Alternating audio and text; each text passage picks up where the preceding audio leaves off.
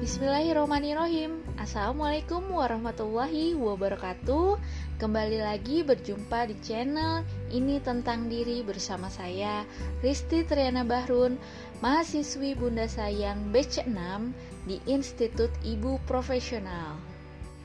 Hari ini merupakan hari ke-6 tantangan selama 15 hari berkomunikasi produktif di zona 1 yang saya lakukan Nah, komunikasi produktif di hari ke-6 ini saya lakukan bersama pasangan saya yaitu suami. Kalau membicarakan masalah komunikasi bersama pasangan kayaknya tidak ada henti-hentinya ya. Akan selalu ada kasus, akan selalu ada tantangan-tantangan baru dan bagaimana cara kita mengevaluasi atas solusi yang sudah kita lakukan di sebelumnya dan sebelumnya. Mengapa sih harus dilakukan evaluasi terhadap komunikasi?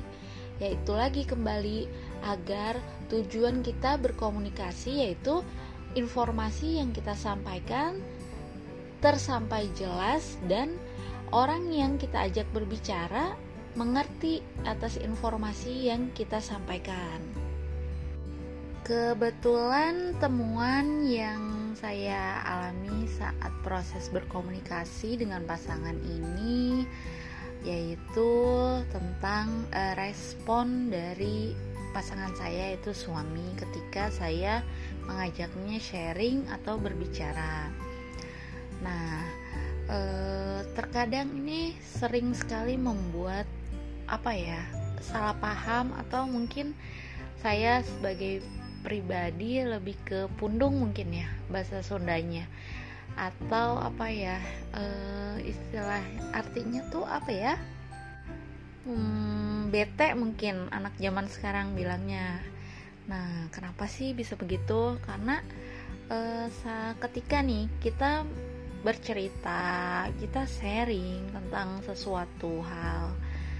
Nah lalu direspon dengan hanya sekedar kata-kata yang simpel dan dua kata iya tidak hmm nah ini terkadang uh, saya pribadi merasa lah kok ini udah cerita panjang lebar udah sharing panjang lebar namun respon yang didapat hanya sekedar ya oke okay.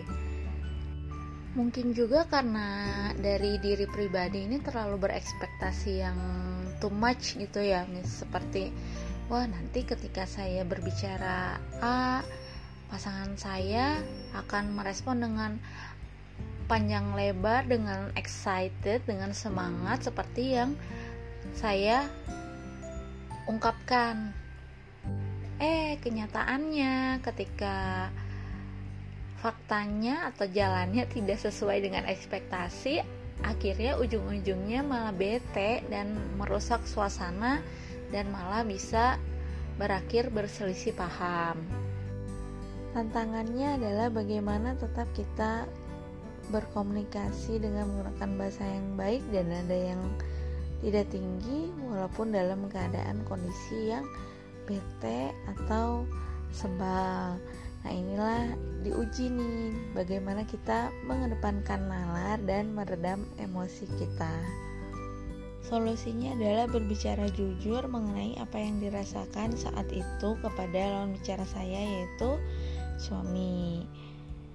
Nah, bintangku hari ini adalah bintang 4 karena telah berani mengungkapkan apa yang dirasakan dengan menggunakan bahasa-bahasa yang baik dan tanpa menaikkan intonasi. Semoga esok hari setiap kali melakukan pembicaraan atau sharing akan terus seperti ini dan saling memahami serta menghargai perasaan masing-masing. Terima kasih diri atas kerja kerasnya hari ini. Semoga besok lebih baik lagi dan lebih baik lagi. Terima kasih. Wassalamualaikum warahmatullahi wabarakatuh.